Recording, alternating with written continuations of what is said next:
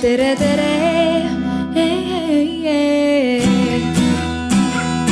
Eestimaa.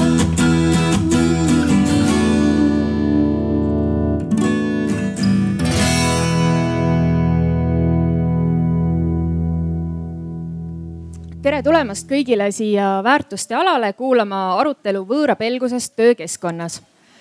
Minu nimi on Sigrid Solnik, ma tulen sotsiaalsest koolitusettevõttest Speaksmart ja, ja olen täna siin moderaator ähm,. millest me räägime äh,? räägime sellest, et, et mis siis saab, kui, kui erinevus mingil hetkel enam ei rikasta, vaid tekitab konflikte. et, et mis on siis tööandja roll, kas äh, kas see konflikti tekitaja tuleks äh, kohe lahti lasta ja kogu moos või, või on seal mõistlikumad mingisugused pehmemad lahendused? Ähm, ma küsin, et mis seda pelgust põhjustab, äh, milles see väljendub ja, ja, ja lõpuks siis noh, kõige olulisem, et mis on need lahendused kuidas ma mõtlesin selle arutelu teha, on see, et, äh, et alguses me teeme siin omavahel või noh, omavahel, nemad omavahel teevad väikse vestlusringi, sest nemad on eksperdid, mitte mina ja, ja siis äh, lõppu teeme sellise publiku äh, isegi mitte nii palju noh, küsimuste ja kogemuste osa, et, et mul on publikule kaks küsimust, üks on see, et kas teil on endal võib-olla mõni sihuke äh, võõra pelguse kaasus oma, oma kogemusest, mille lahendamiseks teil oleks äh, äh, abi või mõtteid vaja. ja siis teine küsimus on see, et, äh, et mis on äh, teie parimad praktikad olnud, kas siis äh, teie kui äh, tööandjate parimad praktikad või siis teie kui töötajate äh, parimad praktikad, et kuidas seda võõrapelguse või, või, või noh, et kui on mingisugused nagu võõrapelguse juhtumid tööl, et, et kuidas neid lahendatud on. Ähm, seda teemat siin on tulnud lahkama tööandjad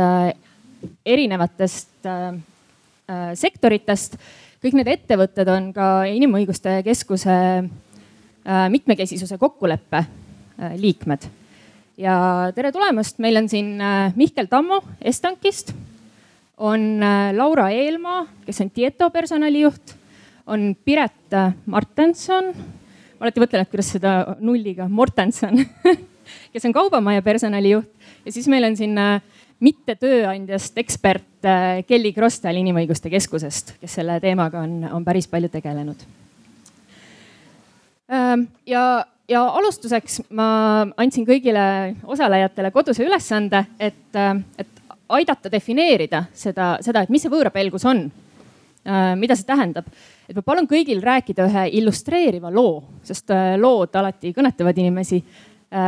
millega siis, kas teie ise olete kokku puutunud äh, endal töö juures või, või mida te olete kellegi käest kuulnud? Äh, jah, et loo, mis siis illustreeriks seda, mida tähendab võõrapelgus töökeskkonnas. me võime nii teha, et Mihkel alustab siin jah mm. -hmm. tere kõikidele ka minu poolt. ja sellele mõeldes ma pean tunnistama, et ma olin nagu pisut kimbatuses tükk aega, et kuna meie ettevõtte taust on see, et me oleme globaalses äris, äh, puutume selle võõraga väga palju kokku. oma saja viiekümnest töötajast sada ei ole eestlased äh, ja meil on umbes kümnest eri rahvusest inimesi tööl, siis äh, meie jaoks on kuidagi nii ajalooliselt kui mitmeti üsna nagu, meil ei ole väga palju seda võõrakartust. aga siiski, kui ma selle peale nagu mõtlesin, siis just ütleme hiljuti tuli üks näide meelde, et kuna me sel aastal kasvame väga suurelt, siis meil on tarvis lisatööjõudu olnud. ja, ja kui meil tavaliselt on nagu strateegia, et meil on nagu töölepinguga oma töötajad, aga seetõttu me oleme olnud sunnitud kaasama kiire kasvu kontekstis ka palju renditööjõudu. kes siis noh, paljuski tulevadki meie naaberriikidest, stereotüüpsed, nagu olete kursis ilmselt Ukrainast, Poolast, Lätist, Leedust ja nii edasi siis kuna see arv on meil niimoodi tavaliselt on sihuke viis renditöölist, aga viimastel kuudel on see number olnud kakskümmend viis siis äh, minu hinnangul see võõrapelgus on tulnud just meie oma inimeste poolt sisse, kuigi meil on teadvustatud, et erinevused rikastavad ja nii edasi.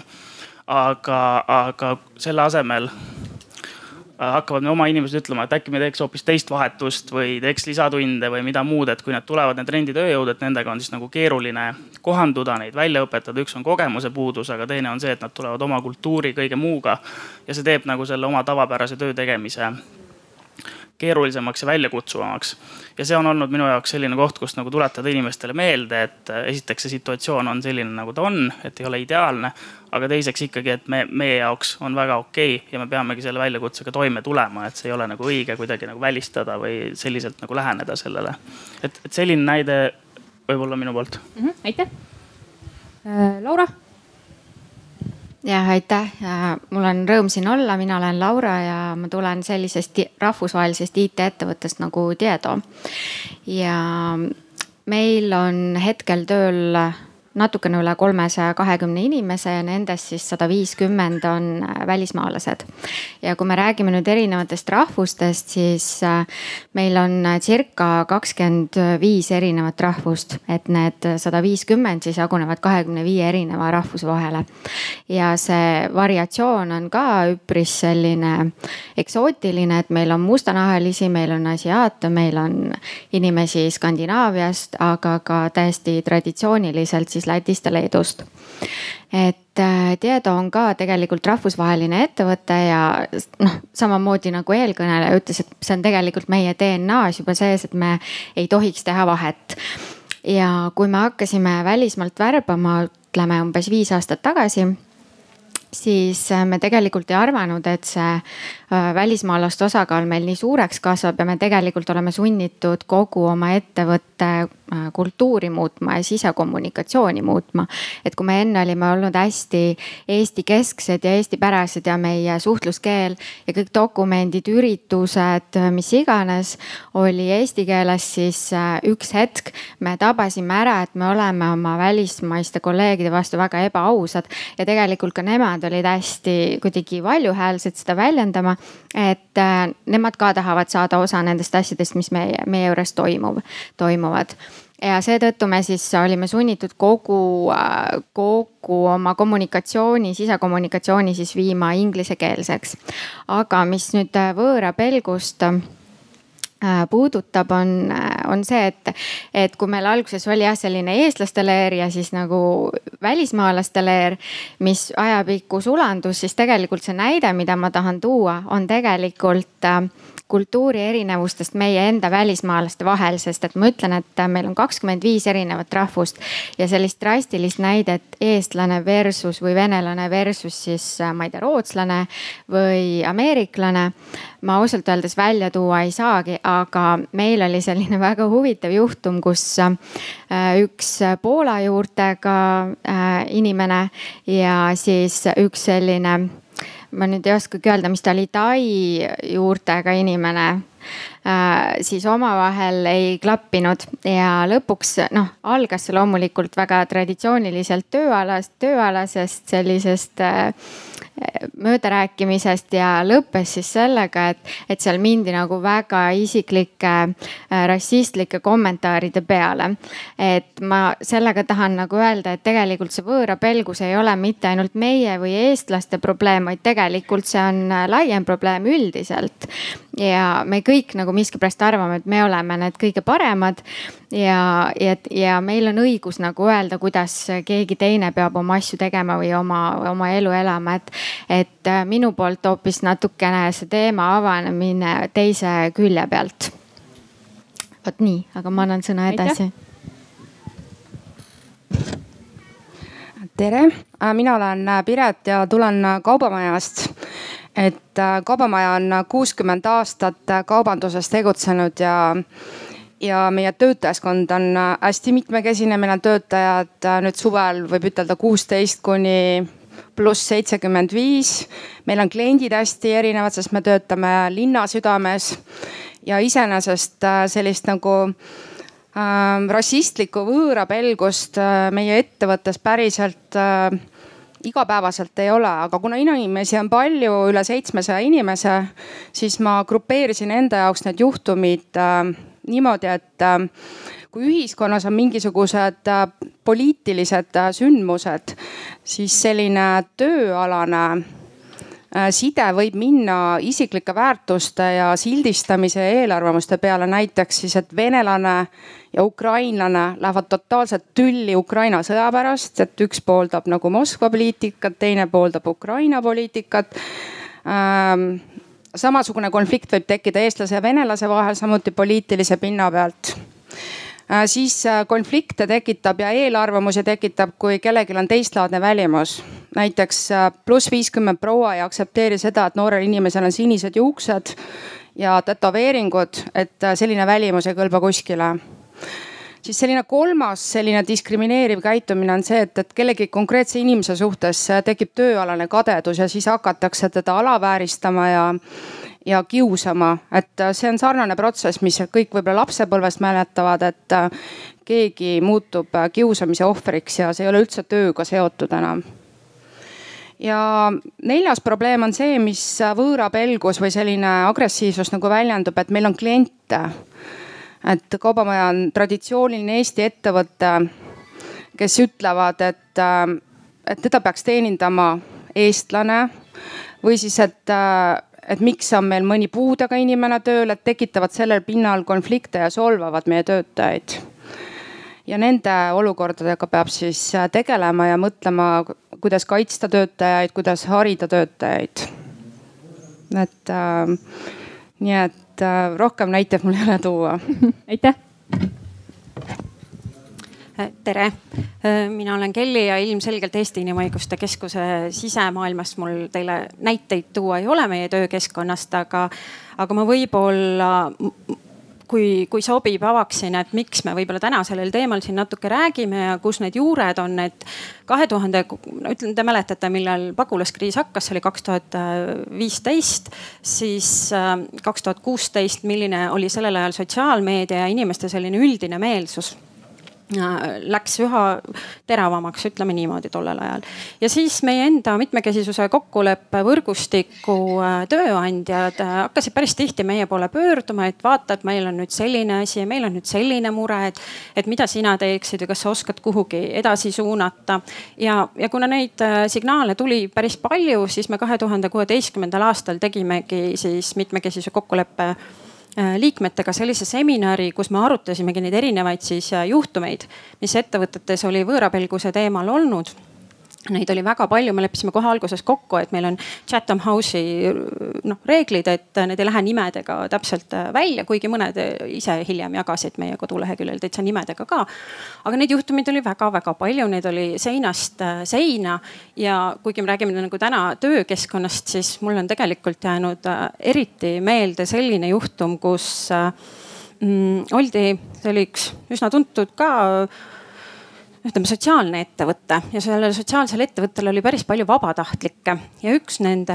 see ei olnud seotud kuidagi siis äh, võõravaenu teemaga või mingi immigratsiooni teemaga üldse see sotsiaalne ettevõtlus ja.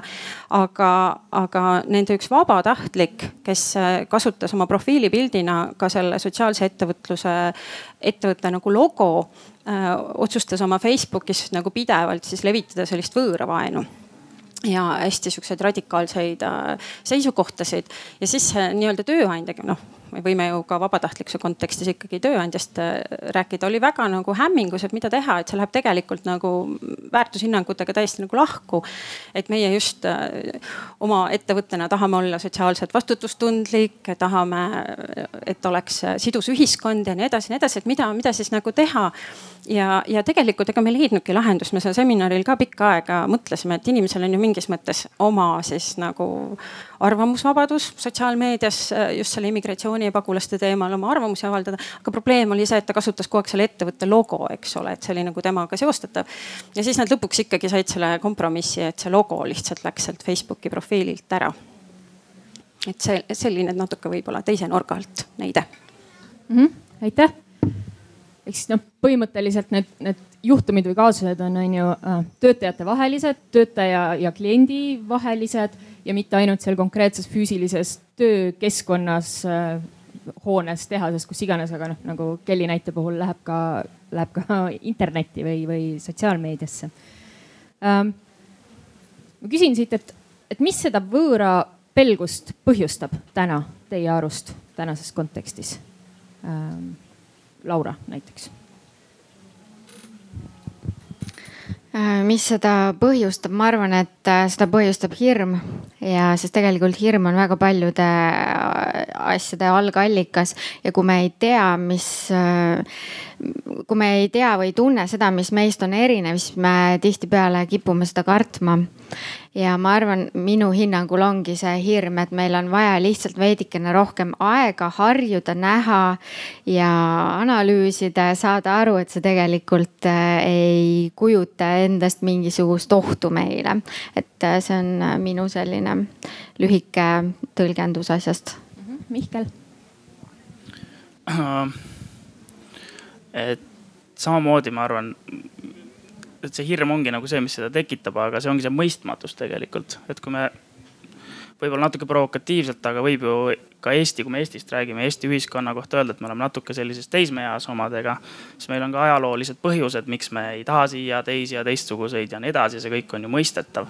aga tegelikult mõelda selle peale, kuhu me edasi läheme, kui vähe meid on, milline on meil siin tööpuudus ja nii edasi, siis see ongi seesama, et kui asja natuke analüüsida pragmaatiliselt, siis on nagu juba sellest aspektist väga keeruline näha, et kuidas saada teistmoodi läbi, on ju.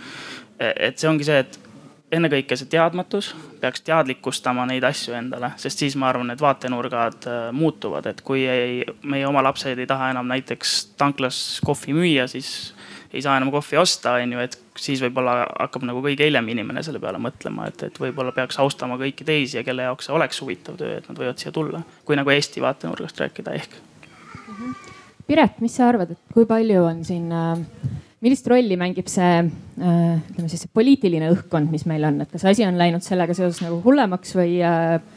või, või noh, et äh, oleks nagunii olukord selline, nagu ta on ähm.? ma olen eelkõnelejatega nõus, et, et kindlasti see inimese enda hirm, et puht psühholoogiliselt kanaliseerub mingi agressiivse käitumisega või nagu mingi emotsioon tekib, mis tuleb välja elada. aga poliitilise õhkkonna suhtes me oleme muutunud äh, haavatavaks, sest kõik inimesed äh, tarbivad massiliselt sotsiaalmeediat, internetimeediat ja meil puudub igasugune allikakriitilisus, et et me usume kõike, mida me loeme ja, ja, ja, ja selles mõttes, et ja täna tegelikult ei olegi sihukest tõdede tõeallikat, et sa pead ise olema faktipõhine ja mitte laskma ennast mõjutada ja mitte mitte minema selle mõtteviisiga kaasa, mis on diskrimineeriv, teisi inimesi halvustav, sildistav. et äh, see poliitiline üldine foon, et kui me räägime ettevõtte sisekultuurist, siis ettevõtte sisekultuur hakkab pihta juhtidest, mida tippjuhtkond, mida keskastme juhid, millist kultuuri nad loovad ja toetavad. kuidas nad märkavad oma inimeste käitumist, kuidas nad reageerivad sellele sest noh, tihtipeale, kui on kiusamise olukord või selline olukord on, siis osalised ei taha tihtipeale rääkida. et kui on nüüd teisest rahvusest inimene, kes ei ole keeleliselt pädev näiteks, et Eesti juhile selgitada, siis, siis ta on lihtsalt vait ja ta ongi haavatav, et. et tunnistajad ei taha rääkida, sest nad ei taha olla nagu pealekaebajad, et siis tegelikult ka nagu ettevõtte poole pealt on neid juhtumeid äh, keeruline lahendada. et et äh, kuidas suurendada seda, et, et inimesed oleksid allikakriitilised ja lähtuksid faktidest ja, ja ei sildistaks, et see on minu meelest võtmeküsimus millele vist keegi ei ole ühtegi head lahendust veel kahjuks leidnud.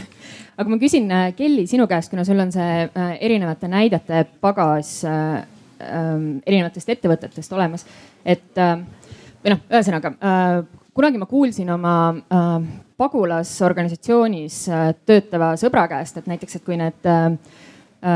pagulased, kes Eestisse tulid äh,, läksid elama Põlvasse, mitu perekonda on ju, et siis kohalikud inimesed ei olnud kunagi äh, pearätiga naist näiteks näinud. et see mm, põgenik äh, kõndis mööda tänavat, inimesed vaatasid talle nagu akendest järgi, et sihuke selline noh, vau, nagu täielik teadmatus ja, ja esimest korda näed. et kas see võõrapelguse äh, kontekstis ka on nagu erinevus näiteks Tallinnas olevate ettevõtete ja kuskil nagu väikestes kohtades kaugemal olevate ettevõtete vahel?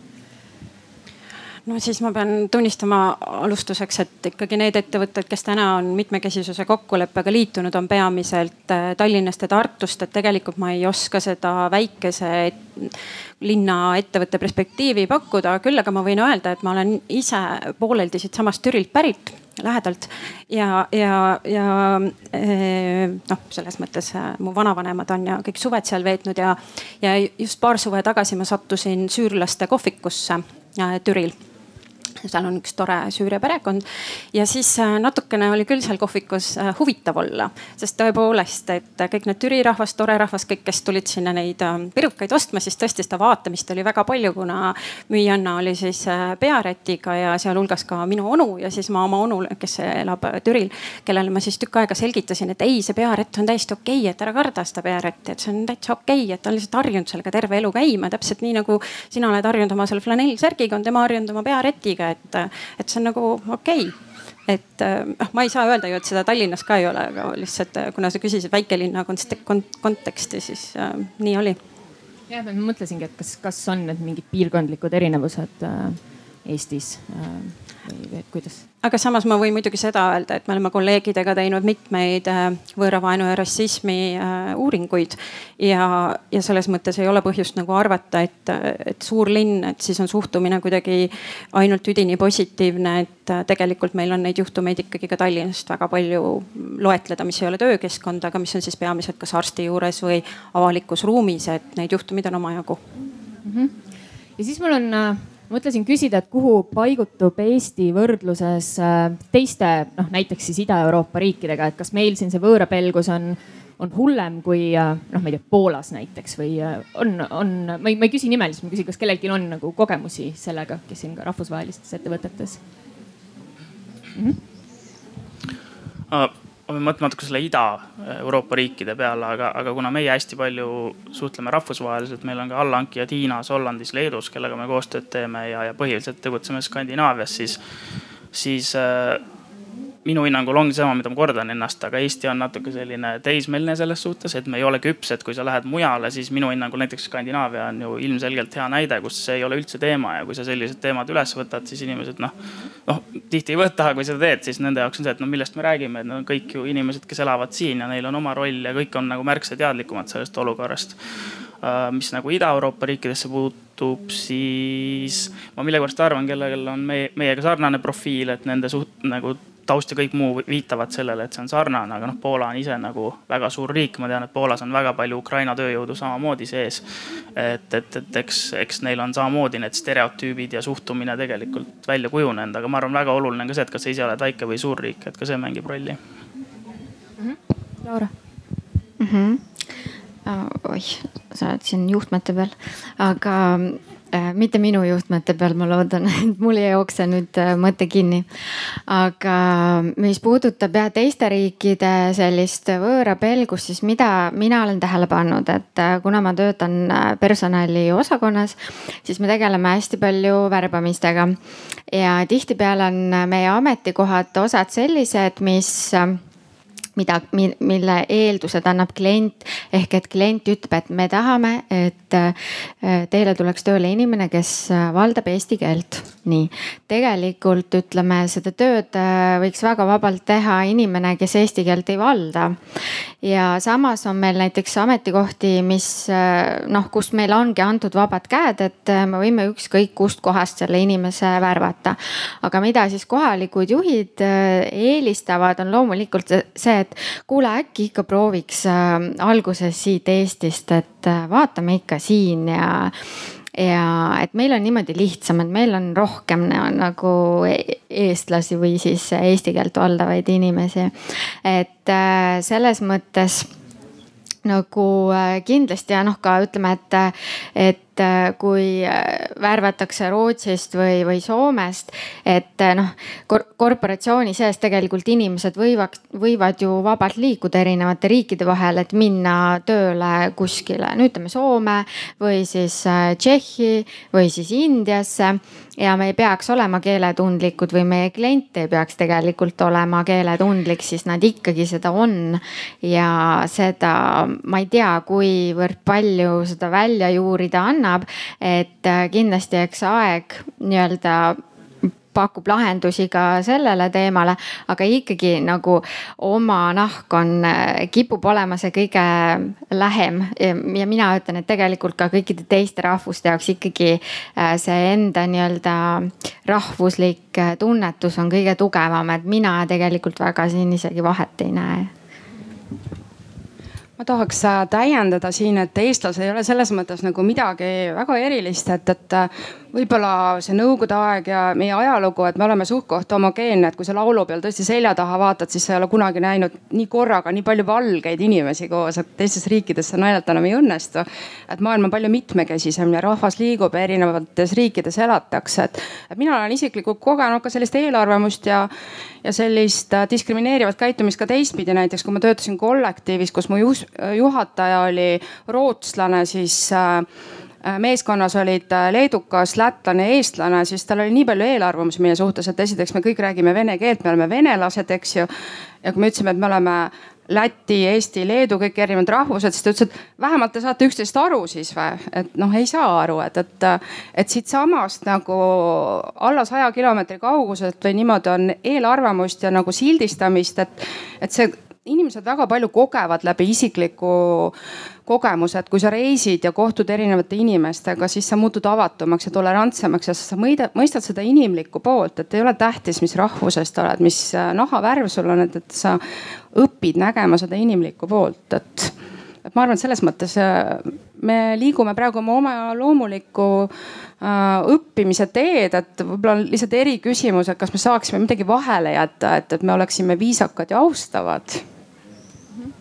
Kelly, sa võtsid mikrofoni. ja ma võib-olla lisaksin sellise perspektiivi, et loomulikult vist ei ole, loodetavasti keegi ei tee kuskil äh, riikide rassismi indeksi ja siis me oleme seal, ma ei tea, kuuekümne neljandad või mis iganes, et. aga noh, sellise algküsimus, et kuidas me oleme teiste riikidega paistame välja, aga mulle tundub, võib-olla ma ütlen veel taustaks, et äh, Eesti mitmekesisuse kokkulepe on siis osa üle-euroopalisest äh, mitmekesisuse kokkulepete platvormist, kus on mitmekesisuse kokkulepe peaaegu kõigi kõigist Euroopa Liidu liikmesriikidest. ja me saame kaks korda aastas kokku ja me arutame, kuidas need olukorrad on. ja ma ütleks nii, et äh, miks siis äh, tegelikult ikkagi see poliitiline õhkkond ja töökeskkond ja meie kodud, nad on nii omavahel seotud,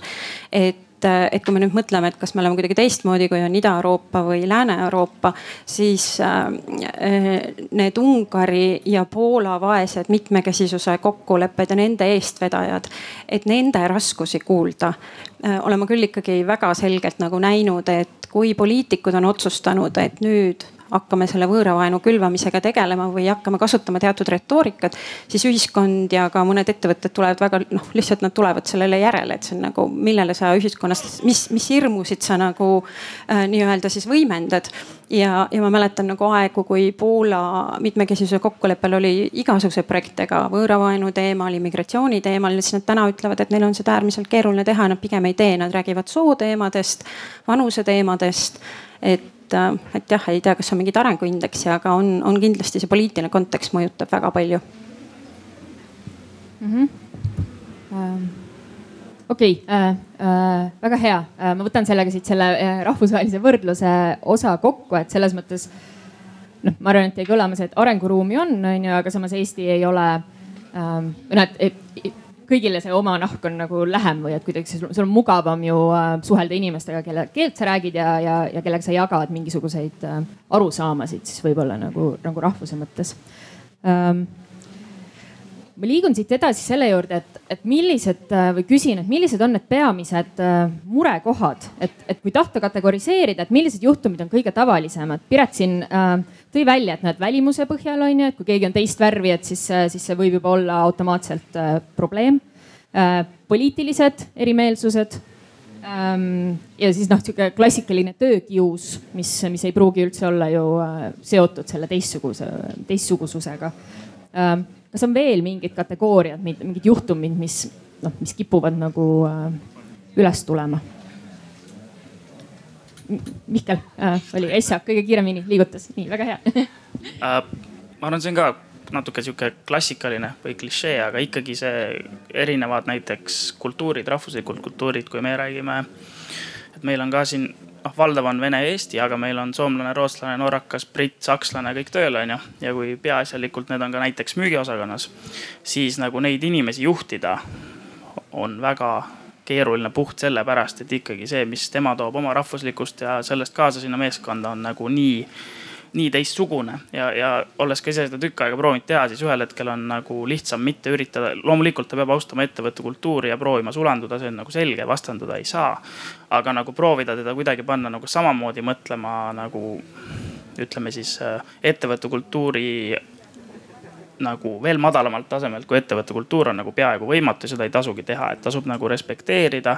püüda mõista, saada ise teadlikuks sellest teisest. ja, ja siis on nagu võimalik, sest muidu nagu rahvusvahelist meeskonda juhtida on peaaegu võimatu, ehk siis ma arvan, et see, et see probleem on veel nagu, kas ta nüüd on probleem, aga see on nagu, et inimestel on erinev näiteks rahvusvaheline kultuur ja see seda võõra teemat nagu võimendab nagu organisatsioonides ja töökeskkonnas kõvasti. Ega sul ei ole ühtegi näidet tuua siia? no on ikka et meil omal siin Soome müügimees äh, äh, kellega tegelikult umbes pool aastat tagasi lõpetasime ka töölepingu, et äh, see oligi nagu see, et äh, oli nagu vastastikune respekt kogu aeg olemas, aga kui nagu oli nagu püüd pigem nagu ettevõttepoolne nagu, et hea küll, austame sind. Aga ikkagi, et mingites asjades on vaja nagu kaasa mängida, siis mingites asjades inimene lihtsalt ei olnudki suuteline seda nagu tegema ja lõpuks see päädis nagu sellega, et see lihtsalt ei õnnestunud, hoolimata sellest, et paar aastat järjest on proovitud ja tegelikult on mõlemal pool ka nagu hea tahe olemas, aga lihtsalt lõpuks saad aru, et meil oleks lihtsam leida inimene, kellega noh ja tuligi eestlane asemele, et kellega on jällegi nagu lihtsam sedasama asja, eesmärki saavutada, mis sellele positsioonile on seatud. et ma ei tea, võib-olla selline näide. ja siin on ju see, et soomlane tundub nagu, et noh, noh see vennasrahvus, nad on ju samasugused nagu meie no ei, ei ole üldse, ei ole üldse, ma ütleks mm. -hmm jah, äh, meil on äh, sellised näited, äh, mis pigem jah, tulenevad ka siis kultuurist ja, või siis rahvulik, rahvuslikust eripärast näiteks. et äh, me väga hästi tajume juba kaugelt ära, kui meil on hindud kontoris ehk et äh, köögis levivad hoopis teistsugused lõhnad äh,. viirukid äh,, siis on seal taimetoit näiteks on meil olnud juhus, kus äh, tööle kandideerib äh, siis äh, moslemi usku inimene. ja põhjus, miks me teda tegelikult tööle ei võtnud, ei ole mitte sellepärast, et ta oleks olnud moslem, vaid et ta tundis huvi, kas meie kontoris on olemas nurk, kus tema saab käia iga tunni aja tagant palvetamas ja noh, visata oma vaiba maha ja siis äh, palvetada seal. ja noh, meil oligi nagu selline sisemine dilemma ka, et mis me siis teeme, et tegelikult see inimene tundus meile muus osas igati sobilik olema. aga me jällegi ei teadnud ja meil ei olnud ka võib-olla ütleme seda julgust küsida väga avatult, et äh, mis see palvetamine tegelikult tähendab töökeskkonnas et kui palju see aega võtab,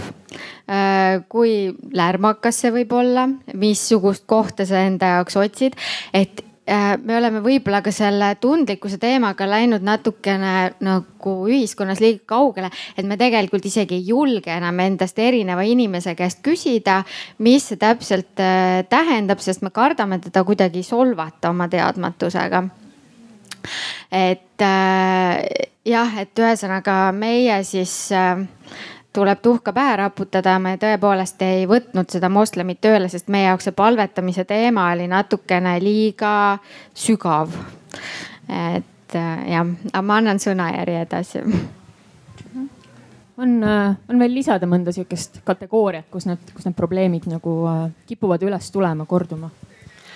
Ma tean ühte teenindusettevõtet, puhastusteenindusettevõtet, kes äh, tükk aega nagu mõtles, mida teha, et äh, nendel olid siis mitu mustanahalist äh, puhastusteenindajat ja probleem oli see, et mõned ähm, siis ettevõtted, kus nad puhastasid, kus nad koristasid, et need ettevõtted nagu ütlesid, et nemad ei soovi mustanahalisi koristajaid siis enda ruumides näha, et see oli ka päris sihuke suur dilemma sihukese väärtuspõhise, muidu väga-väga igatepidi mitmekesisust nagu toetava ettevõtte jaoks, et mis siis teha, et kuidas me hakkame selekteerima siis neid objekte, kuhu me tohime ühtesid töötajaid saata ja kuhu tohib teisi saata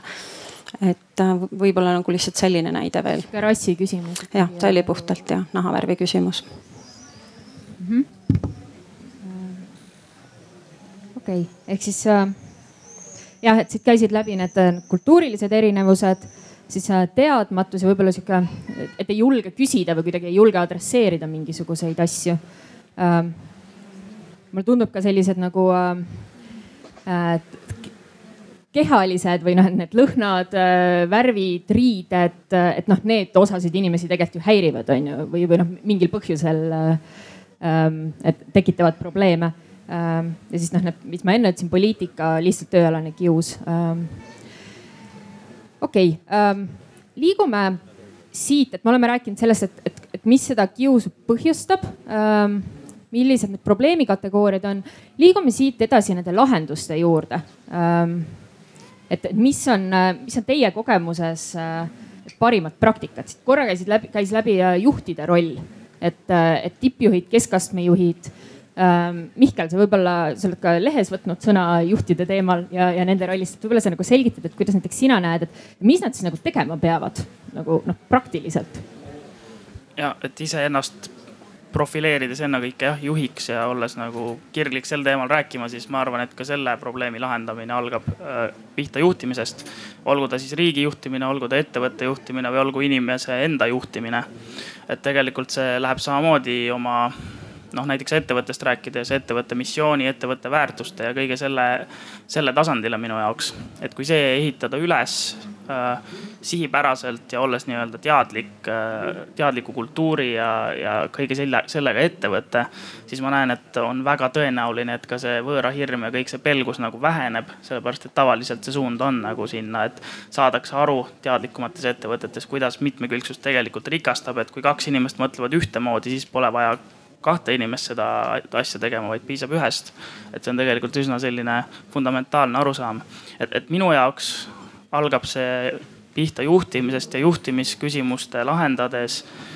väidan, et niimoodi positiivse kõrvalproduktina laheneb ka nagu selline mitmekülgsuse kartus või võõra kartus nagu ära. et ma arvaks nii mm. -hmm. mis on veel, Piret, näiteks äh, teil need, mis te teete, et äh, A, töötajad ei läheks omavahel äh, Krimmi pärast tülli ja B, et äh, kliendid ei tuleks ütlema, et äh, miks need ukrainlased siin on. No nagu Mihkel ütles, siis tegelikult hakkab kõik pihta põhiväärtustest, kui nad on ettevõtte jaoks sõnastatud, siis ka suuremates ettevõtetes tõenäoliselt väiksemates seda ei ole nii palju, et, et neid väärtusi ja põhimõtteid kannavad sageli inimesed ise, aga suuremates ettevõtetes on need sisse integreeritud ka näiteks sisekorra eeskirjadesse ja muudesse sellistesse dokumentidesse et äh, kui tekib küsimus, kuidas seda lahendada, siis on alati võimalik nagu vastused sealt vaadata. ja see on aluseks ka see, et kui ettevõttega liitub uus inimene, et eelkõige on valiku aluseks, et kas ta järgib neid samu põhiväärtusi, kas need kõnetavad teda. sest kõik muu saab tegelikult juurde täna õpetada, aga hoiakuid on ülikeeruline muuta ja see ongi see, et et kui inimesel on teatavad hoiakud ja, ja, ja ta ei kohandu ettevõtte põhiväärtustega, siis ta tegelikult ikkagi peab ettevõttest lahkuma. et koolitada kõiki uusi inimesi. ja põhiväärtuste elus hoidmine ja orgaanilisena hoidmine on üks suur kunst tegelikult, et see hakkab juhtidest pihta, et juhib, on ise oma käitumisega eeskujuks ja, ja igapäevaotsuste langetamisel on nende põhiväärtustega arvestatud ja, ja tegelikult äh, kui nüüd laiemalt veel vaadata personalitöö ja sisekommunikatsioon, siis on võtmeküsimus, kuidas neid igapäevatöösse niimoodi integreerida, et nad on tõesti elus ja loomuomased, sest see on see kokkulepe, mille tasandilt ka äh, töötaja saab teisele töötajale anda tagasisidet, märgata ja kutsuda korrale. et kui nad äh, toimivad, siis äh, on see läbiv põhimõte kogu ettevõtte jaoks mm. -hmm, väga hea, ma küsin siit sult jätkuküsimuse, et ma tegin eelmisel kevadel ühte ühte antropoloogilist uuringut ühes suures Eesti avalikus asutuses, kus me küsisime ka, et noh töötajate käest et, et kuidas teil on nende äh, organisatsiooni põhiväärtustega ja need vastused, mis tulid, olid umbes sellised, noh, need on mul siin tassi peal kirjas. Ähm, ehk siis, ähm, et, et äh, et noh, väljakutse on see, et, et see ei oleks lihtsalt tassi peal kirjas või kalendris on ju, või et need inimesed, ja ei, meil on küll need mingid põhiväärtused, ma täpselt ei tea, mis need on. et kas sa too mõni sihuke näide, et kuidas, kuidas te siis äh, sinna igapäevaellu need viite, sihuke nagu praktiline eluline äh, näide? No praktiline elu näide, et, et kõik uued töötajad läbivad meil uue töötaja sellise sissejuhatava koolituse, infopäeva, kus esinejateks on erinevate valdkondade juhid. ja, ja loomulikult äh, koolituse inimene või personaliinimene on need ettekanded selle rehaga üle käinud, et kõikides esitlustes käiakse kogu aeg selle põhiväärtuste ümber, kuidas see meie igapäevatöös kajastub, kuidas on protsessid sellest lähtuvalt äh, juhitud. siis äh, lisaks tassidele on näiteks meil, et et, et kogu aeg need neli põhiväärtust oleks silmade ees, meil on koosolekud, ruumid nende järgi nimetatud ja, ja selle koosolekuruumi nagu siseõhkkond toetab seda. siis väga kriitiline on see, et, et kui on mingi raske juhtum ja, ja, ja tegelikult üheski normaalses ettevõttes ei ole liiga palju neid protseduurireegleid. et kuidas me selle juhtumi lahendame, mis on õige lahendus, et kui toimub see arutelu, et siis tegelikult äh, tulla korra põhiväärtuste juurde, et mis on õige nagu ja see hoiab nagu, hoiab nagu meeles ja, ja, ja, ja eriti on abiks põhiväärtused siis, kui on need rasked juhtumid inimestega, et inimesed on omavahel tülli läinud või, või on nende väärtuste pinnalt nagu konflikt on tekkinud, siis see on nagu selline ettevõtte sisemine DNA, mille alusel saab teha uued kokkulepped, et kui me oleme siin koos ja ajame ühist asja ja me tahame, et meil oleks hea olla siin. et äh, siis on see meile oluline ja me järgime neid põhimõtteid, et äh, nii on ta iga päev nagu kasutuses mm. -hmm. Äh, veel lahendusi, Laura, mis, äh, mis teie teete? Ja meil on äh, tegelikult äh, see teema hästi kogu aeg nii-öelda pildis ja algab juba sellest, et kui äh, töötaja tuleb tööle, siis ta loeb läbi ja allkirjastab eetikakoodeksi ja eetikakoodeks siis äh, eeskätt äh, selle põhimõte ongi see, et ta kirjeldab ära, mis on meie jaoks aktsepteeritud ja mis ei ole aktsepteeritud ja me alati rõhutame seda ka koolitustel veel üle. ja töötaja peab ka läbima e-koolituse või siis e-kursuse sellesama eetikakoodeksi teemal veel ja seal siis äh, klikkima õigeid, valesi vastuseid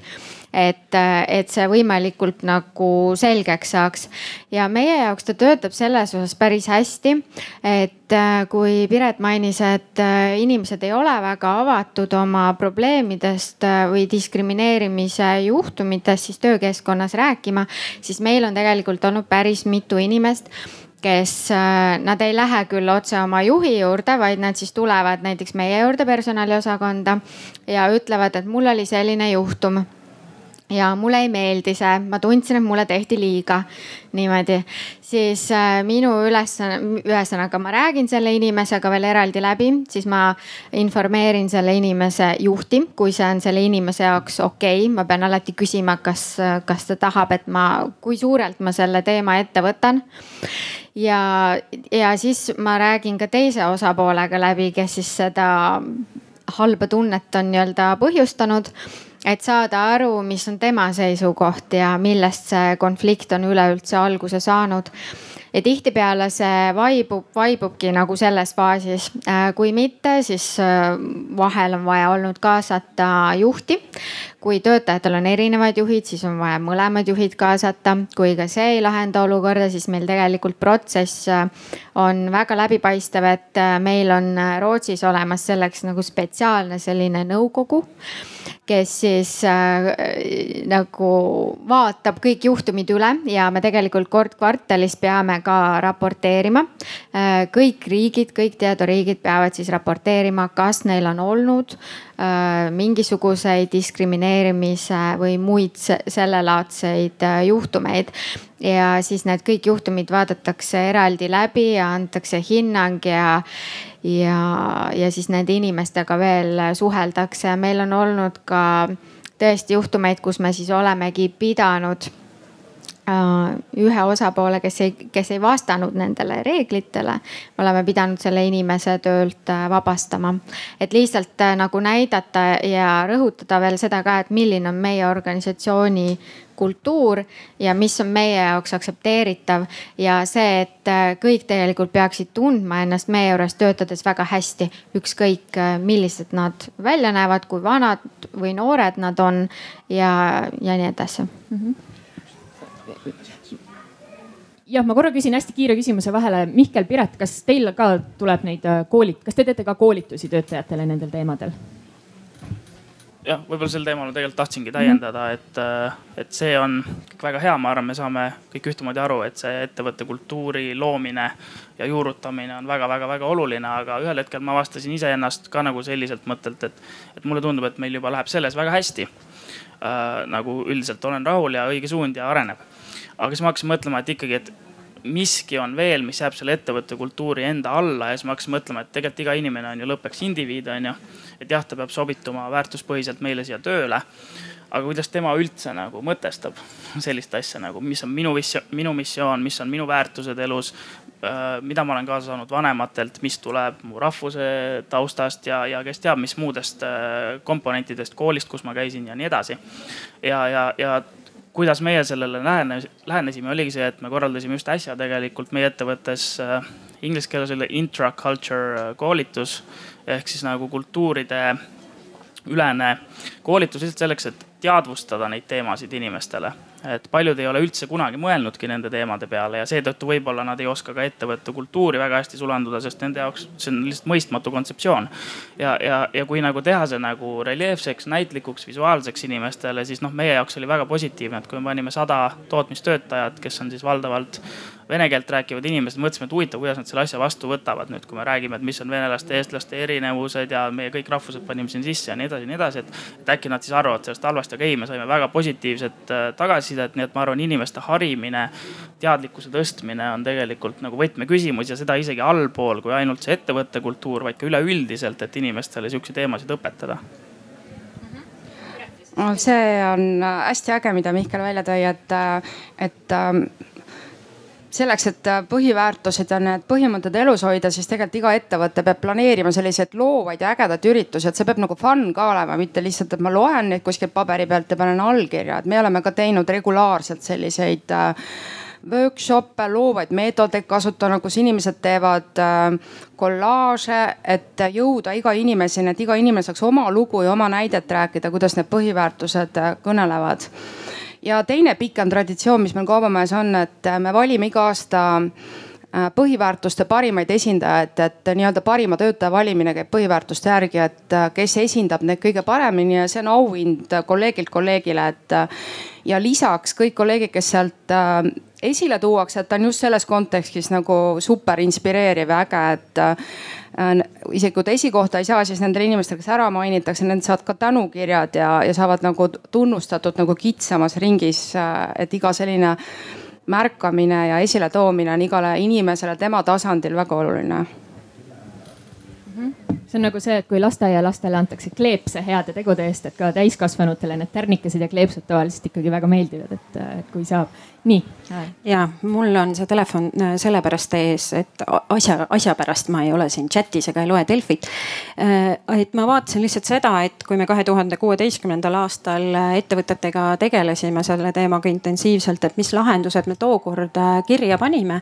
ja ma pean ütlema, et enamik neid lahendusi on juba siin paneelis ära kõlanud, et tõepoolest ikkagi kõik hakkab juhist, et seesamane, mida me ka teame, et kala hakkab mädanema peast. et juhtimine, juhtimine, juhtimine on on, on see, mis teeb töökeskkonna selliseks, nagu ta teeb, sest juhid on põhiliselt need, kes inimesed valivad ja inimesi juhivad. aga siin on niisuguseid huvitavaid asju veel, et võib-olla ma tutvustan mõnda asja, et oluline on inimesi ettevõttesiseselt rohkem liita, et nad õpiksid väljaspool tööd üksteist tundma. näiteks ühised söögi tegemised, erinevad loovust arendavad koolitused, et noh, see on natuke, mida Piret ka ütles, aga et mingis mõttes, et sa võiksid võib-olla oma tööd oma töökaaslastega, kui sul on juba see sõpruse tasand, siis on võib-olla ununeb ka ära see, et äh, mis keelt kodus keegi räägib. ma tean küll, et mõned jälle ütlevad, et töö on töö ja ei peagi olema sõber, aga selline on tookord tulnud lahendus. ja on ähm, noh, see on natukene lahendus, kui asjad on juba halvaks läinud, aga kui on siis need reaalsed võõravaenu intsidendid. see oleks ikkagi väga hea, kui selles ettevõttes kõik inimesed teavad, kes on see inimene, kelle poole pea, saab alati niimoodi pöörduda, et ma nagu päriselt julgen ta poole pöörduda. ma ei tea, mõnedes kohtades seda nimetatakse inglise keeles discrimination officer, see kõlab küll nii halvasti, aga et noh, mõnele personalitöötajale on näiteks sihuke lisa, lisa siis ülesanne antud. aga veel on, ma arvan, et see on Kaubamaja näide, et küsida rahulolu uuringust töötajatelt, kas neil on tööl sõber, kellele saab äh, kõik ära rääkida. end üksinda tundev inimene radikaliseerub suurema tõenäosusega või üksinda jäetud inimene võib olla tõrjutud just äh, selle võõrapelguse tõttu, et äh, selliseid huvitavaid asju veel, oota ma vaatan, mis on. Mm, ja tegelikult noh, see on nagu laiem lahendus, aga ettevõtted väga soovitasid hoopis positiivseid lugusid nagu rääkida. ja neid edulugusid, et kui tõesti keegi tuligi mujalt riigist või äh, teise kultuurikogemusega, et tegelikult oleks väga huvitav nüüd äh, Laura jutu peale selle mm, palvetamise kohta, et äh, äkki on Eestis positiivseid näiteid, kuidas on korraldatud ja kus see täiesti toimib ja, ja et, et miks mitte uurida ja seda kuidagi rääkida seda positiivset lugu, et teistel ka võib-olla neid hirme siis vähemaks võtta mm. -hmm ja see, palvetamine, palvetamise teema on hästi huvitav, et ma elasin äh, mingi aeg tagasi aasta Lähis-Idas, kus ka kõik inimesed töö juures äh, palvetasid, on ju, sealhulgas ka, ka poemüüjad niimoodi. ja siis ma kunagi kõndisin poes riiulite vahel ülemiselt riiulilt otsisin kohvi ja oleks peaaegu härrale peale astunud, sest ta seal noh, tal, tal, see oli see koht, kus tema palvetas ja see oli okei okay,, on ju nendes kontekstides. Ja noh, siis mina tundsin ennast halvasti, et noh, mis ma nüüd siis tegema pean või et kas ma, kas ma tohin siin otsida seda kohvi või ei tohi või noh, see ongi sihuke teadmatuse asi, et kui sa ei ole kokku puutunud, siis ei oska midagi teha. aga ma tahtsin küsida nende koolituste kohta ja nende ürituste kohta, et kas, kas teie kogemuses inimesed tulevad hea meelega või on pigem nagu see, et mingi jälle mingi mingi armasta kõiki koolitus, kuhu ma pean äh, minema on, on, on kellelgi olnud probleem, et inimesed ei taha käia? no kõikide koolitustega on tegelikult niimoodi, et kuna inimestel on töö ülioluline, siis äh, äh, tänapäeva koolitused peavad turunduslikult ka natuke ägedad olema, et, et seal peab seda emotsiooni olema, sul peavad olema võib-olla mõned põnevad esinejad väljapoolt maja, kes äh, hästi ägedalt mingit teemat avavad. et äh, toit alati tõesti nagu Kelly ütles, et kõnetab inimesi, et äh, meie oleme ka kutsunud äh, töötajad ise üles äh,. rahvusköögivõistlus on, et erinevaid huvitavaid asju tehakse, inimesed võistlevad või siis kutsume kellegi Äh, rahvusorganisatsioonidest täiesti meile kokkama. meil on õnneks ka selline tore pind on olemas, et kodumaailmas on meil omal väike köök, et siis sinna saab koguneda ja vaadata, mida tehakse, et, äh, et noh, olemasolevaid võimalusi ära kasutades. et see tuleb põnevaks teha, et, et inimesed tahaksid tulla, sest äh, muidu ta ütleb, et mul on nii palju tööd teha, ma tahaks õudselt tulla, aga, aga töö on nagu tähtsam mm. -hmm meil on ka, me pigem keeramegi selle hästi selliseks fun'iks või lõbusaks. et meil oma töötajad ise korraldavad näiteks ja see on kõik äh, peale tööaja äh, siis. et näiteks on lauamängude õhtud või siis on mingid arvutimängutiimid äh, või siis on näiteks üks töötaja teeb meil joogatunde kaks korda nädalas ja need on noh, nad on ka, et need ei ole meil üldse eestlased, need, kes tegelikult neid algatusi teevad ja kohale võivad tulla siis kõik ja see tegelikult hästi palju liidab ja palju rohkem õpetab võib-olla nende erinevate kultuuride kohta, kui siis mingisugune selline väga pealesurutud või organiseeritud äh, koolitused mm. -hmm. ma arvan, et selles küsimuses algab see samuti sellest äh, ettevõtte kultuurist pihta, et kui see on kujundatud teadlikult ja need inimesed on teadlikult ennast sellesse sisse ostnud, näiteks sinna tööle tulnud. siis tavaliselt need koolitused ja kõik üritused, mis korraldatakse, noh reeglina meie puhul vähemalt lähevad selle meie missiooni, visiooni, strateegia ja kõige muuga nagu ühtivad ikkagi, mis me nagu kõigile teeme, meil on infotunnid korra kuus näiteks ja seal reede sihuke pool päeva nagu kulutame nii-öelda, nii-öelda kulutame aega selle peale, et äh, meil osalusprotsent on sihuke, ma ütleks kaheksakümmend protsenti selles mõttes, mis on nagu väga hea, ma ütleks isegi arvestades mõndadel inimestel on lihtsalt väga pakilised asjad, miks nad ei saa osaleda, et. et kui sa nagu oled loonud teadliku ettevõtte, kus inimesed nagu tahavad seal olla, siis ma väidan ja teed ka nagu koolitusi, mis lähevad kokku selle teemaga, mille, selle maailmaga, mikrokosmosega, mille sa oled loonud, siis noh, ma väidan, et, et nad tahavad tulla, sest inimene loomuomaselt tahab areneda, tahab õppida, see on, ma arvan, meis kõigis, meis kõigis sees. aga nagu ma enne ütlesin, et kui me nagu tegime sedasama intraculture koolitust nagu tootmises, siis ma ei osanud sellest nagu alguses väga palju nagu arvata, nagu omad eelarvamused ongi mingi pelgus jälle. siis ka sel tasemel, kus ma võib-olla ise tahaks arengut näha veel selles, et nad on rohkem teadlikumad ja nii edasi, siis võeti väga positiivselt vastu, nii et ma arvan, see mingi sügavam tahe inimese juures, et õppida ja areneda on meis kõigis. aga jah, kui see on tõesti nagu halvasti üles ehitatud igav koolitus, siis ma arvan, et siis võib-olla tõesti ei ole, ei ole inimestel huvi. väga hea, ma siit nende halvasti üles ehitatud igava koolituse juurest küsin, küsin edasi, et mis on teie arust need kõige suuremad vead, mida tehakse peale siis igavate koolituste äh, selleks, et seda võõrapelguse võõrapelguse intsidente ennetada või neid lahendades. et, äh, et mis teile tundub, et mis on need nagu siuksed tüüpvead siin, äh, siin Eestis? mina oma kogemusest ja oma põhiväärtusest ka ütleksin seda, et, et äh, oluline on võtta kõikide inimeste tagasisidet nagu tõsiselt ja selgitada välja faktid ja, ja mitte ignoreerida neid ja,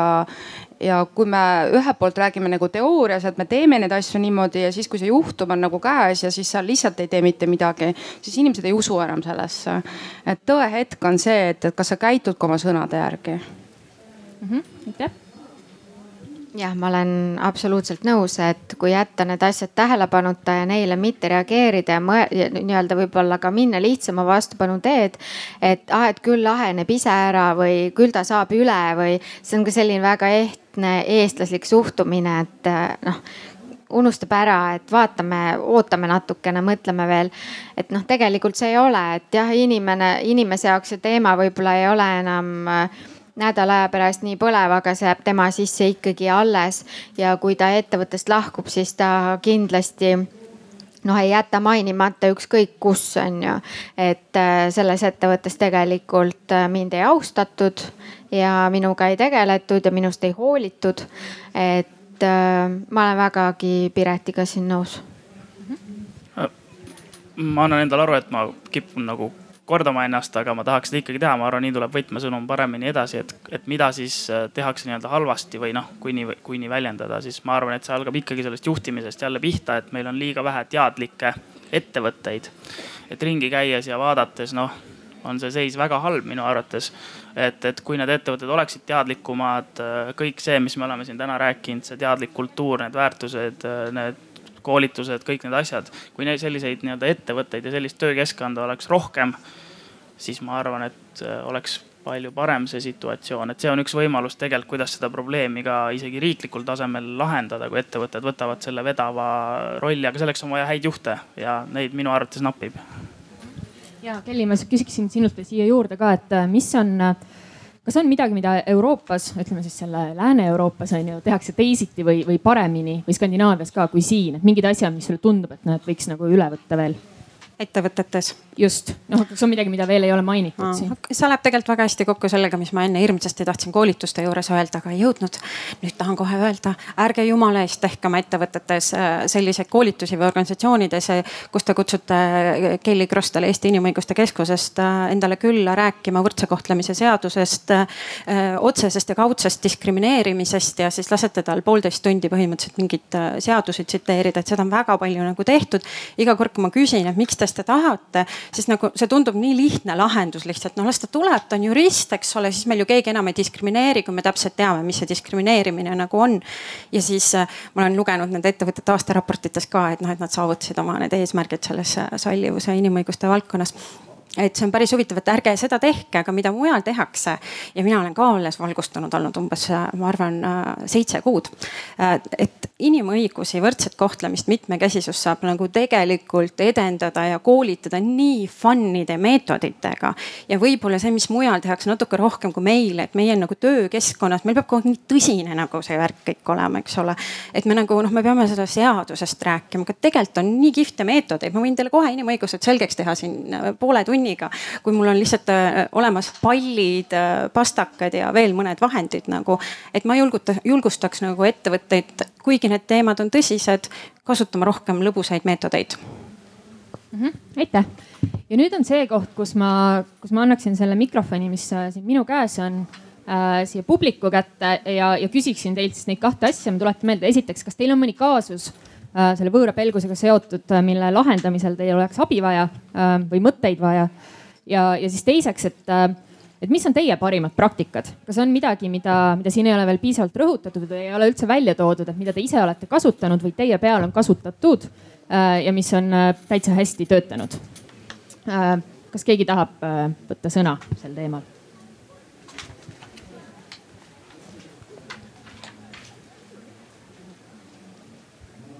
Jah, tahaks võtta sõna sellel te teisel punktil, et ähm,. pane suu lähedale. okei, siis no see, seda teist punkti siis tahaks mainida, et mida mina nagu et see nagu, kui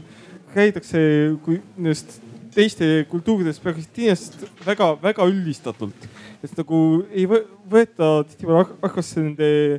seda sotsiaalset tausta ja üldse nagu ühiskondlikku positsiooni või ütleme niimoodi.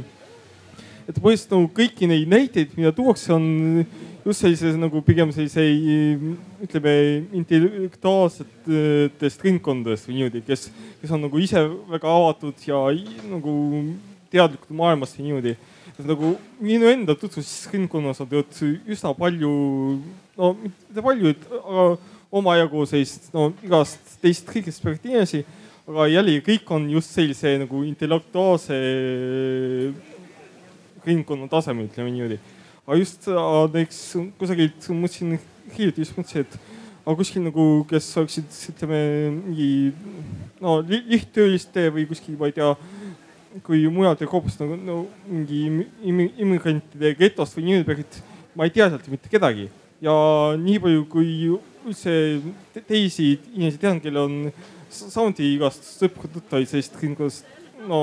teistest kultuuridest. jällegi kõik, kõik on nagu sellise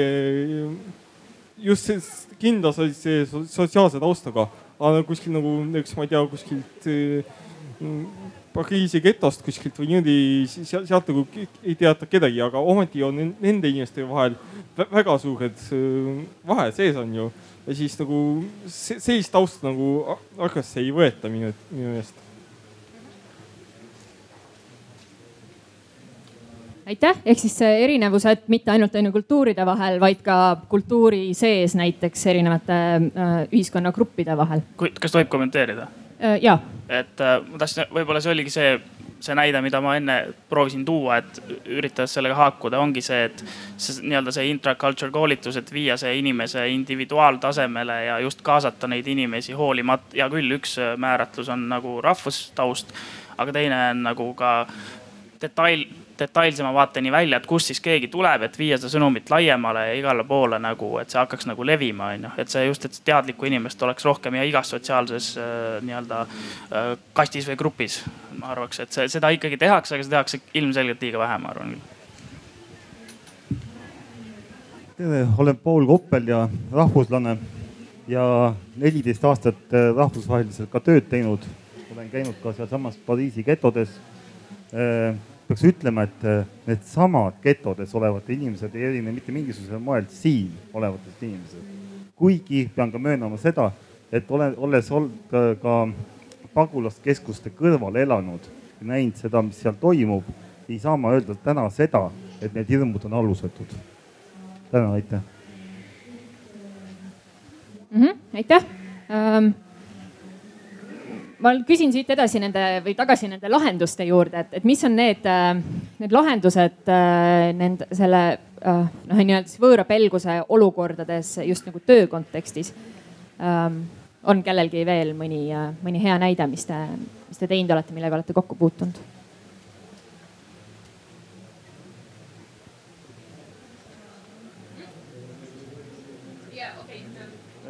Võõra pelgusega on äh, olnud küll kogemust ja äh, meie lahendasime seda lihtsalt ära just nimelt erinevate vahetustega.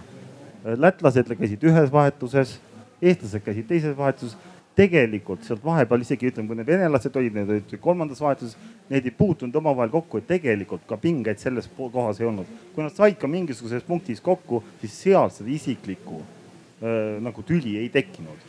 nii lihtne see oligi mm. -hmm. saabki nii, väga hea, aitäh. Äh, Mari juhtis mu tähelepanu sellele, et äh, tahaks küsida. nii et äh, nüüd on ka see, et kui sa ei taha jagada lahendust, siis, siis saab küsida meil siin paneeli käest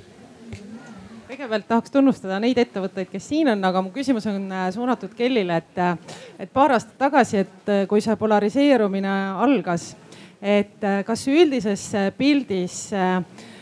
kas oli näiteks ettevõtteid, kes tõmbasid ennast välja sellest mitmekesisuse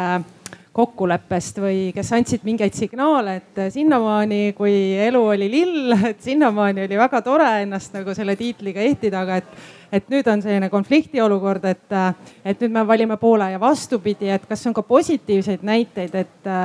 et tuli ettevõtteid ise, kes tahtsidki näidata, et jah, et meie väärtused on, on sellised teistsugused, avatus ja, ja, ja mitmekesisus ja ja üldinimlikkus on need, mis meile korda lähevad, et, et just selline üldise pildi analüüs äh, viimastel aastatel.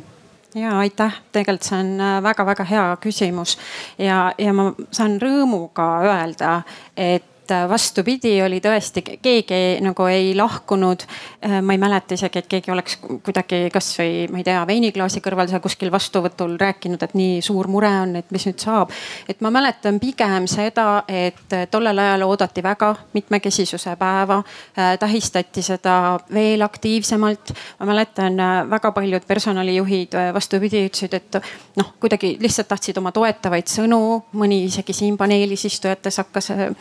aktiivselt veel rohkem toetama. et tegelikult oli jah, just äh, üsna positiivne see, see ja ettevõtteid ju tuli kogu aeg ikkagi kokkuleppesse juurde, et täna nüüd mina enam seda ei koordineeri, et olen Liinale ümber andnud, üle andnud selle töö ja ta võib võib-olla täpsustada, aga, aga väga keeruline ju mitmekesisuse kokkuleppe juurde uusi ettevõtteid äh, leida ei ole, et et äh, sellel on kindlasti selline positiivne kuvand, vähemalt nii minule tundub küll. ja ma ütleks pigem niimoodi, et et et see, kas see ettevõte on selles mitmekesisuse kokkuleppes aktiivne või ei ole, oli see tollel ajal, kui oli see kriisiaeg või, või ka nüüd, kui meil on mingis mõttes uus äh, kriis ühiskonnas. sõltub hästi palju ikkagi jälle Mihkel ka hästi nõus, et äh, kes on see juht, et ma olen näinud küll seda, et ettevõttes on juhtkond vahetunud ja, ja need inimesed on nagu ära kadunud. et see uus võib-olla juhtkond, kas personalijuht või tegevjuht, et nad enam ei tule nendel üritustel nii aktiivselt kui võib-olla eelmine juhtkond, kes liitus selle kokkuleppega ja oli kuidagi südamega selle teema taga. selliseid arenguid ma olen küll noh näinud ja, ja see on niisugune väljakutse, mida teha, et siis et uus, uus võib-olla juhtkond ka sama aktiivne oleks. Mhm. on veel küsimusi?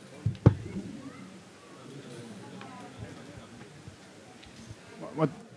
tahaks, tere, mina olen Kari Inimõiguste Keskusest, et ma tahtsin äh, tuua ka näite selle tegelikult minu teisest äh, töökohast äh, Tehnikaülikoolis, et Tehnikaülikool teatavasti ka selline hästi rahvusvaheline, kõige rahvusvahelisem ülikool Eestis. kõik väga paljudest erinevatest riikidest üle maailma tuleb tudengeid, õppejõude, teadlasi ja nii edasi et, et seal huvitaval kombel meil oli ka see palveruumi teema, et see nagu puudutas mind, et seal oli ka, et mingid tudengid tulid ja ütlesid, et, et oleks ka vaja seda palveruumi ja lõpuks siis ikkagi minu meelest see palveruum sinna ei tekkinud, sest seal oli ebaselge, mida ja kuidas, aga minu meelest see on ka üks lahendus lihtsalt, et noh, et kui sul on see ruum Äh, ja kui, kui noh, et see ei pea olema mingisugune suur saal, et sa võid ju mingisuguse ruumi tekitada. mina ei ole üldse nagu, et võib-olla siin oleks huvitav küsida nendelt ettevõtetelt või organisatsioonidelt, kus need palveruumid on olemas ja mina tean Eestis vist ainult lennujaamas on olemas äh, palveruum et ja see ei ole mitte ainult nagu ühele usule konkreetselt, vaid see on noh, seda võivad kasutada erinevate usu, kes soovivad mingit öö, oma usu öö, talitusi siis läbi viia ja, ja selles mõttes see ei ole nagu äh, see on asi jah, mida, mida tuleb ennast nagu kurssi viia ja rohkem nagu teavitada.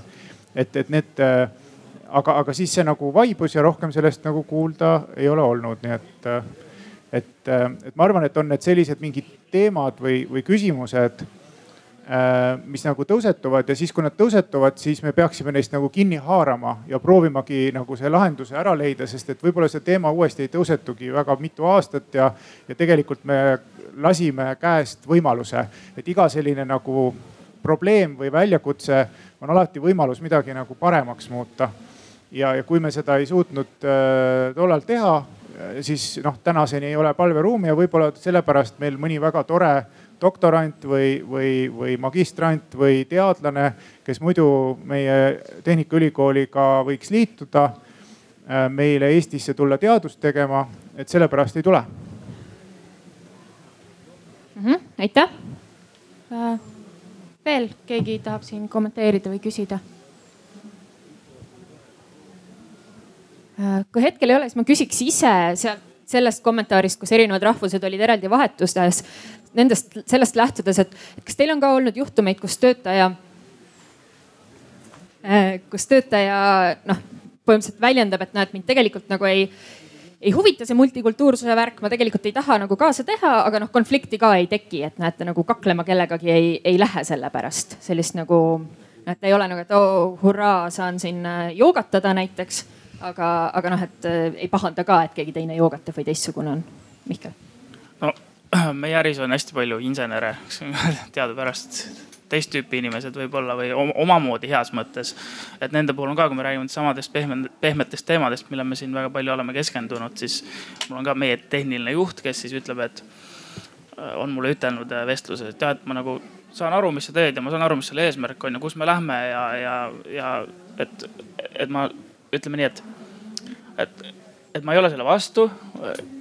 aga ära oota ka, et ma liiga palju kaasa töötan, et noh, ma mõtlen teistmoodi, ma teen teistmoodi, ma saan aru ja kõik on okei okay,, aga, aga noh, nii on, et, et see on ka minu arust nagu väga nagu respekteeritav, et inimesele nagu selliselt nagu välja ütleb, et jah, ma saan aru, mis, miks seda asja teen, on ju. noh, mina mõtlen natuke teistmoodi, aga see on nagu okei okay, minu arvates mm. -hmm. Piret see vahetuste teema on äh, väga huvitav, et meie Kaubamajas oleme seda üks kord rakendanud, sest me ei suutnud nendele inimestele selgeks teha sõbralikku koos eksisteerimise põhimõtet, sest tegemist oli erivajadustega inimestega ja, ja oli tegemist vaimse puudega, et me nüüd lihtsalt paneme nad eraldi vahetustesse tööle et kui see võimalik on, siis me lihtsalt arvestame töötajate eripäraga. et lihtsalt kommentaariks, et ühe tuttava, mul ei ole täpselt nagu personalilised fakte, et, et mis on nagu ühe vahetuse kompetentsid ja kes on need töötajad aga tema oma ettevõttes on teadlikult teinud niimoodi, et eestlased on ühes vahetused ja teises vahetuses on ukrainlased. sellepärast, et ukrainlased lihtsalt töötavad kaks korda efektiivsemalt ja paremini, et eestlased nüüd ära ei rikuks, lihtsalt sihuke humoorikas kõrvalepõige et noh, tegelikult see on, see on ka lahendus ju iseenesest nagu, et äh, kui, kui töötab, siis, äh, siis jumala eest on ju. -hmm. Nii, ma annan nüüd veel äh, viimase võimaluse, kui kellelgi on veel mingi küsimus või kommentaari tahe tekkinud. ei näe siin kätemerd äh,, siis ma siis ma võtaks, äh, hakkaks seda arutelu ah,, noh väga hea, parem hilja kui mitte kunagi. just selline tehnilise ja inseneripoolne küsimus, et kui erineva kultuuritaustaga ja, ja siis ka õppinud erinevates kohtades ja siis kas nagu selliseid probleeme pole tekkinud, et kui just selle nagu terminoloogia ja võib-olla ka mõõtühikute tasemel, et no kuidas nagu sellist asja tõlgendada, et mul endal nagu ma olen ise TTÜ-s õppinud ja õppinud ka praegu, et äh, on näiteks Indiast pärit inimestega on nagu võimatu suhelda, et äh, üks käib ühest ja teist, kui justkui peaks sa samast asjast käia, aga rääkima, aga nagu jutt läheb täitsa mööda ja lõppkokkuvõttes nagu ei vii kuhugi. ma saan aru, et see oli mulle võib-olla adresseeritud, et, et jah, ma arvan, et see on nagu väga mitmel eri tasandil, et üks ongi nagu see meie ettevõttes ongi nagu selgelt, et on nagu vaja selgelt seda inseneripoolset konstruktorit, tehnilist inimest, protsessi inimest ja kõike seda ja siis on vaja ju teist inimest, kes turundab kes müüb, kes teeb kõike personalitööd, juhib, administreerib, et, et see on nagu üks tase, kus sa tegelikult on vaja aru saada, et need inimesed nagu ühtemoodi ei mõtle ja kui sa paned neile selle programmi või selle kultuuri nagu nii-öelda maailmalood, siis tuleb sellest aru saada ja sellest erinevusest on ju. et, et, et, et noh, see on üks võimalus vaadata insener ja siis ütleme pehmete alade esindaja, aga ma arvan, neid dimensioone või selliseid polaarsusi on tegelikult hästi palju, kus tasub nagu olla teadlik, et inimesed on erinevad ja, ja üritada, noh, ma ei tea, näiteks siis teha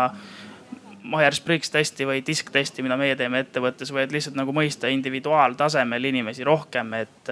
et sul on küll see universaalne keel, mis sa ettevõttes kehtestad, aga et sa lased ikkagi inimesel olla selle juures ka nagu indiviidi, respekteerid ka seda, mitte ei suru teda liiga nagu sinna kasti, onju. et ma ei tea, kas see nagu vastab, et puht nagu mõõtühikute tasandil, meie äris on nagu päris tihti seda jah. kuna me teeme globaalselt, siis äh, neid nii-öelda igasugu tolle ja kõike muud on, on hästi palju et mida me peame tõlgendama enda jaoks, et see kumas sealt välja, ma lihtsalt ääremärkusena ütlen seda ka. Ehk siis tegelikult on niimoodi, et sul ei pea olema erinevast rahvusest inimesed, sul võib olla see, et üks on äh, Tartu Ülikooli majandusteaduskonnas ja teine on äh, õppinud keelt ja kirjandust või midagi ja siis nad nagu no absoluutselt tegelikult ei saa aru nagu, et mis värk on nagu nii erinevad mingid. Äh, okei okay,, aga ma, annan siia selle mikrofoni et endal on täpselt sama asjaga olnud äh, kokku puutunud mitmeid kordi ja palju lähemalt. näiteks võtan, äh, toon sisse näiteks kasvõi meie enda koolidest tulevad õpilased ja kes on praegu ka ütleme siis vanad olijad näiteks. Need terminoloogiad ja asjad on niivõrd suured ja erinevad, et tegelikult sellesama see ümberõpetamine sellesama noorele inimesele, et nad selle vana seltskonnaga natukenegi kohaneks, on tegelikult väga raske töö. Vahe, vahetevahel on see lausa võimatu. ma ei tea, miks see nii on, aga see nii tegelikult on. aitäh. aitäh, ma lähen siit nüüd selle arutelu kokkuvõtmise juurde, ma küsin viimase küsimusena äh, et äh, noh, tegelikult see on nagu kaks küsimust ühes on ju. esiteks on, et kas, kas meil on lootust ja, ja teiseks, et, et me oleme siin rääkinud sellest, et mida saab teha tööandja, on ju, koolitused, juhtimine, protsessid ja nii edasi ja nii edasi ja nii edasi. et aga mis on tööandja kõrval, kus on veel seda muutust või seda nagu tähelepanu või, või kes peab veel reageerima või tegutsema selleks, et, et töökeskkonnas seda võõra pelgust ja sellest tulenevaid intsidente oleks vähem? mis te arvate? kes iganes tahab esimesena, Laura võitis selle jooksu mm. -hmm mina arvan, et see ühiskonna tasandil peaks äh, ka muutuma ja see muutubki tänu sellele, kui meil on rohkem neid teistsuguseid inimesi. sest et ütleme niimoodi, meie töötajad on näiteks äh, kohanud me toetame üldiselt kõiki oma välismaalt tulevaid inimesi väga palju nende kogu selle sisseelamise ja kolimise ja siia tulekuga ja ka näiteks meditsiinisüsteem, väga lihtne näide, et äh, me otsime neile perearsti, kes räägib inglise keelt. aga kui see välismaalane siis jääbki haigeks ja tahabki oma perearstiga kontakteeruda, siis äh, esimene inimene, kes selle telefonitoru vastu võtab, ei ole mitte see inglise keelt kõnelev perearst, vaid on äh, administraator seal perearstikeskuses, kes on tihtipeale selline kuuekümne, seitsmekümne aastane proua, kes ei räägi seda inglise keelt. Ja siis nad on omavahel hädas ehk et nad ei saa üksteisest aru. Ja tihtipeale siis äh, need prouad on visanud lihtsalt äh, toruhargile mit-, noh, nad ei ütle, nad ei valda isegi ütleme sellist elementaarset äh, keelt, et öelda inglise keeles, et I m sorry või mis iganes, eks ju. ja siis meie oleme pidanud näiteks äh, perearstikeskustega kontakteeruma, palume inimestele avada haiguslehed äh, või siis näiteks on äh, pankades minu jaoks täiesti jälle ulmeline teema, et tellerid ei räägi paljuski inglise keelt, kuigi tegu on jällegi noorte inimestega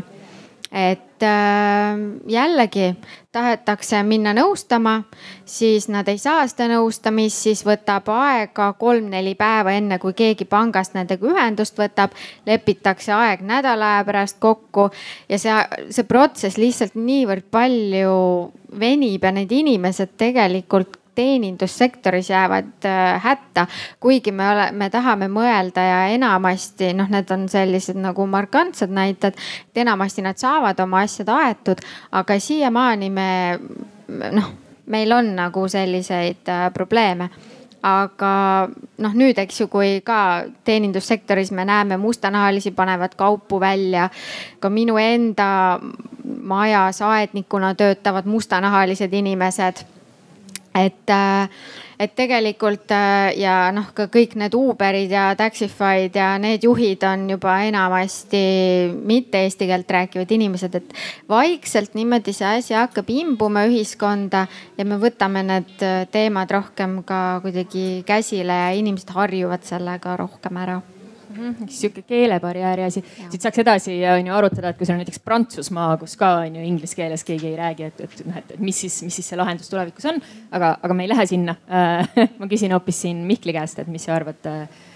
kas, kas on mingit lootust? no ma arvan, lootust igal juhul on, optimistlik inimene. Äh, ja mulle väga meeldis, mis enne öeldi siit, et, et me olemegi sellises loomulikus nagu õpiprotsessis, ma ise mainisin ka, et me oleme, kui me räägime Eestist keskkonnana nagu kujunemisjärgus ja meil on seda arenguruumi, on ju. kui rääkida, mida oleks vaja paremini teha, siis just ikkagi see poliitiline tasand, millest me nagu täna väga pole rääkinud, aga, aga ma arvan, et täna see nagu aeglustab seda arengut, mitte ei kiirenda, et kindlasti meil oleks vaja nagu selles kõige laiemas keskkonnas, selles riigis, kus me elame, sellist poliitikat, mis soodustab arengut õiges suunas ja, ja, ja võib-olla lõpetuseks indiviidi tasemel kõige parem asi, mis me teha saame, võib-olla minu arvates ongi see, et näha teist nagu iseennast, on ju. et kas sa siis ütleksid ka talle neid asju, kui sa tunned, et me oleme kõik üks ja me oleme kõik seotud, on ju. et ma arvan, et siis, siis läheks need asjad paremuse poole, et, et lootust kindlasti on ja, ja aga noh, on ka väga palju selliseid takistavaid tegureid hetkel eriti, ma arvan. -hmm, aitäh mina olen ka hästi arenguusku inimene, et, et mulle meeldib õppida neid asju, millest ma aru ei saa, et näiteks kasvõi religiooni poole pealt olen mina isiklikult olen pagan, aga ma just soetasin endale ühe islami raamatu, et natuke ennast harida, et mis religiooniga tegemist on. Et äh, kui selline üldine foon, et äh, õpivad vanad, õpivad noored äh, ja me austame üksteist, siis tegelikult saadakse probleemidest üle. et no ma tõin enne näite, et kaubamajas on meil töötajaskond on kuusteist kuni seitsekümmend pluss, et äh, siis on selge, et vanem generatsioon räägib äh, super hästi vene keelt, eks ju, ja, ja noored ei suuda isegi kirillitsat lugeda. aga me oleme teenindusettevõte, meil on igasuguseid kliente ja heas koostöös leitakse koos lahendused, et äh, kes toetab ja ollakse hästi avatud kogemustele ja õppimisele ja tegelikult, kui ma kolleegide käest küsisin, et kuidas nemad näevad seda võõra VH töökeskkonnas, enne kui ma siia Arvamusfestivalile tulin, siis